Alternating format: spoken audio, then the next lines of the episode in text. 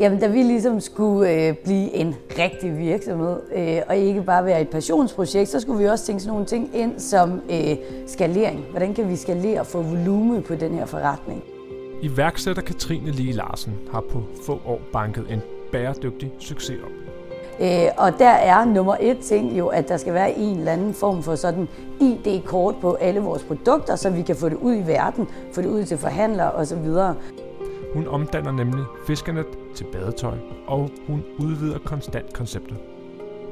Det du skal høre nu handler om iværksætteri, om bæredygtighed og om hvordan vedholdenhed og dedikation kan få din virksomhed til at vokse.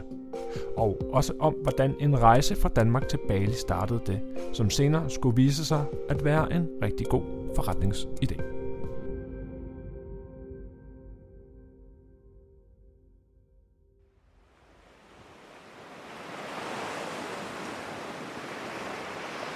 Stranden var fyldt med plastik. Det er ikke bare overrasket, men chokeret Katrine Lee Larsen. Dagen for inden havde hun og en gruppe frivillige brugt hele eftermiddagen på at få Bali strand til at ligne rejsekatalogerne. Katrine Lee Larsen var rejst til ferieøen efter at have færdiggjort sin kantmærk i København. Nu ville hun surfe og opleve det tilbagelænede liv på den anden side af jordkloden. Men oceaner af plastik skyller op på Bali stranden dag efter dag. Der var simpelthen så meget plastikforurening over det hele. Øhm, og det opdagede jeg jo, fordi jeg var rigtig meget i vandet. Jeg var rigtig meget i havet. Øhm, og øh, altså hver dag jeg kom op, så havde jeg plastikposer rundt om benene. Øhm, altså jeg så ikke en eneste stykke tang. Da Katrine er den type, der tager affære, gik hun i gang med at rydde op. Men næste dag var plastikken altså tilbage. Og sådan blev det ved, hvilket var frustrerende for den surfglade dansker. Oplevelsen skulle senere vise sig at danne grobund for en iværksættersucces. Sæsonens første iværksætter vil rydde op i verdenshavene og bruge plastikaffaldet til en god forretning. Kære løver, mit navn det er Katrine, og jeg er founder af Copenhagen Cartel. Siden hun blev landskendt i DR-programmet Løvens Hule i begyndelsen af 2021, er det gået stærkt. Copenhagen Cartel producerer tøj af plastik fra verdenshavene, og der er salg i det bæredygtige initiativ. På Bali gik Katrine Lie Larsen nemlig stort set kun rundt i badetøj. Og enhver kvinde, der er stedet op af vandet på en badeferie, ved, at det første hænderne per automatik gør, er lige at sørge for, at alt sidder rigtigt rundt om kroppen. Og det er her ideen til at starte Copenhagen Cartel opstår. Fordi jeg havde boet på Bali, og jeg havde øh, været udfordret på at finde ordentligt badetøj, fordi jeg gerne ville have noget, der blev siddende, der var god kvalitet, fordi jeg er meget aktiv på vandet. Jeg surfer, jeg dykker, jeg laver alt, hvad man kan øh, på vandet. Jamen så var øh, min umiddelbare tanke at lave noget ordentligt badetøj, for jeg synes faktisk, der var et hul i markedet, der var et behov. Øh, så jeg tænkte, at det var en god måde ligesom at kunne kombinere både mit eget behov øh, med min passion omkring at skabe noget, der var mere øh, Øh, bæredygtigt, i hvert fald end det, der var på markedet nu. I dag køber Katrine Lige Larsen fiberne fra regenereret fiskenet, som i Portugal bliver spundet, så de kan bruges til produktion af tøj. I begyndelsen synes folk, at det lød både velmenende og godt, men de kunne ikke forstå, hvorfor man skulle have fiskenet eller en plastikpose på. De fleste sagde, at det var umuligt at sælge badetøj i Danmark, og selv Katrines far var en lille smule skeptisk ved ideen. Jeg mødte selvfølgelig noget modstand, da jeg startede op, og sådan er det, når man starter noget nyt op. Jeg kommer fra øh, Jylland, min far er rigtig traditionel vestjyde. Øh, han insisterede på det første år at kalde det mit projekt. Øhm, og generelt så mødte jeg lidt modstand, øh, fordi at badetøj er lidt en niche. Bæredygtighed var ikke på samme måde, som det er i dag, lige så meget i, i fokus. Men jeg tænkte, ved du hvad, den her modstand skal kun gøre mig stærkere. Øh, så jeg kastede mig ud i det alligevel, og valgte faktisk også at satse lidt, fordi jeg skulle betale alting selv i starten. Jeg havde sparet lidt penge op til, at nu skulle jeg være voksen og ansvarlig, købe, en, øh, købe min egen lejlighed. Da jeg ringede til min øh, far i Jylland og sagde, ved du hvad far, øh, den lejlighed der, det bliver altså ikke til noget alligevel.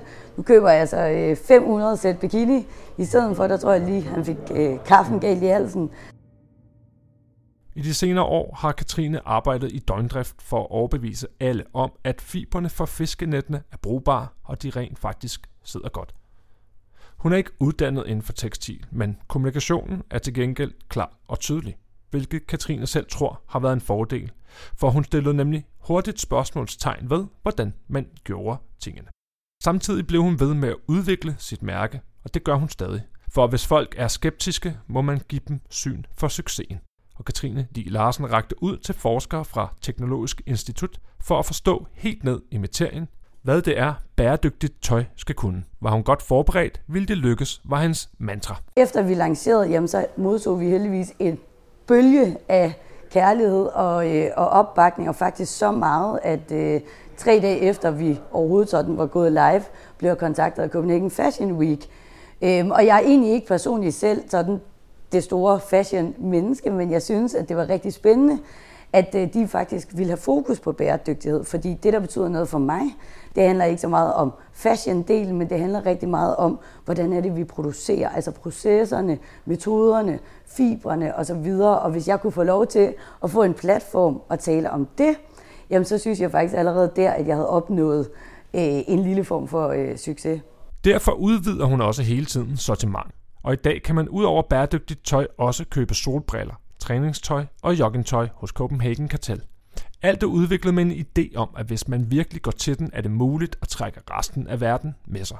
Og derfor sidder Katrine Lige Larsen heller aldrig stille. Hun arbejder alle ugens dage og kommer sjældent hjem, før det er blevet mørkt. Uanset om det er sommer eller vinter. Og det er blandt andet ført til en kommende kollektion, hvor bomuld er blevet gentænkt. Det, det kræver ekstreme mængder af vand, både sådan i gro og i produktionsfasen. Så øh, som den øh, type, jeg nu engang er, så tænkte jeg, at det må man da kunne udfordre. Øh, altså, øh, jeg fandt ud af, at 40 procent af den globale befolkning faktisk er i vandmangel. Så det er jo faktisk et rigtig dumt øh, regnestykke. Og tænkte, det der er ikke særlig langsigtet.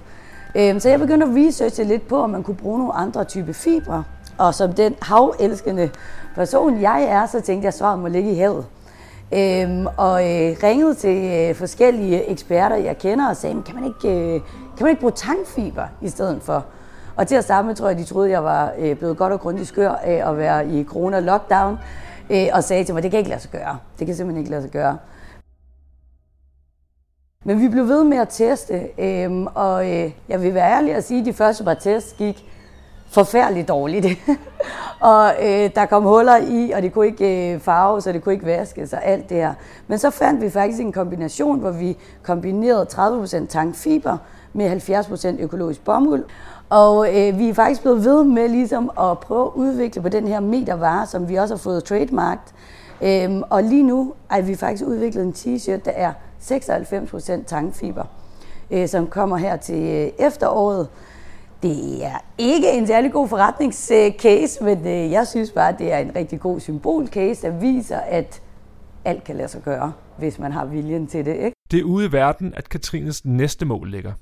Efter at have været hjemme fra Bali i fire år, er det nu ikke længere hendes udlængsel, der presser sig på længere. Det er derimod visionerne om en lidt bedre verden, som skal derud, hvor Copenhagen Kartel virkelig hører til.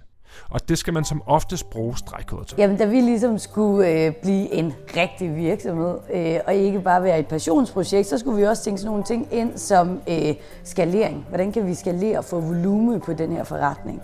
Øh, og der er nummer et ting jo, at der skal være en eller anden form for sådan ID-kort på alle vores produkter, så vi kan få det ud i verden, få det ud til forhandlere osv. Så, videre. så øh, da vi skulle i gang med at finde ud af, altså hvordan er det, vi laver de her stregkoder, så spurgte jeg ud i mit netværk, hvad gør vi? Vi er en lille startup, vi har ikke så mange penge, vi har ikke så mange ressourcer, hvad gør vi? Og der sagde de alle sammen enstemmigt tilbage, GS1. Gå ind og tjek det ud, det er super nemt, øh, og, og også for sådan en som mig, som absolut ikke anede noget som helst om stregkoder, kunne jeg faktisk godt finde ud af det. Øhm, så det er jo et system, der gør det nemt for os som en, øh, en virksomhed ikke at skulle bruge så mange øh, ressourcer og kræfter og energi på det, men stadig formå at øh, kunne skabe den her sådan identifikation på alle vores produkter, der faktisk gør, at vi kan sende det rundt i hele verden og stadig holde track på, på de forskellige produkter. Strategien er lige nu at åbne nye butikker også uden for Danmarks grænser.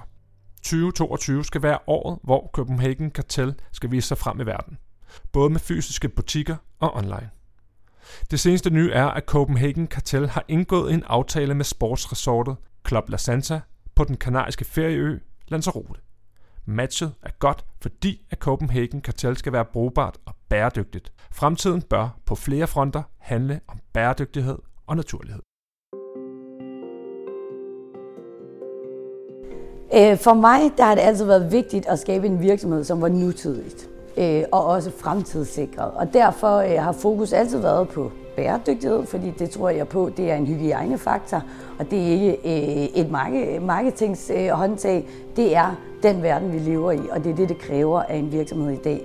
Men til med synes jeg også, at man har et ansvar, især når man sælger badetøj, omkring hvad er det for et billede, man fremstiller af kvindekroppen. Så fra øh, dag et har det faktisk været vigtigt for os at bruge helt almindelige kvinder. I starten, da vi ikke havde nogen penge, jamen, så blev det mine veninder, der blev trukket foran kameraet. Øh, jeg har også haft stort set alle ansatte på kontoret foran kameraet. Og den dag i dag, når vi skal lave fotoshoots, jamen, så skriver vi faktisk ud i vores community på sociale medier, er der nogen, der har lyst til at deltage. Og det gør vi, fordi at det er rigtige kvinder. Og det handler ikke om, om man er tyk, eller man er tynd, eller man er, hvilken farve man er. Det handler egentlig bare om, at man repræsenterer virkeligheden. Fordi for mig er det vigtigt at kunne skabe den her virksomhed, som faktisk er inspireret af den virkelighed, som vi lever i. Det var historien om Katrine Lee Larsens iværksættereventyr, som jo er gået meget godt. Kunne du lide, hvad du hørte, skal du gå ind på vores hjemmeside gs1.dk, hvor der ligger andre lignende historier. Blandt andet historien om, hvordan Grød gik fra at være en restaurantkæde til at udvide til også at være på hylderne i de danske supermarkeder. Tak fordi du lyttede med.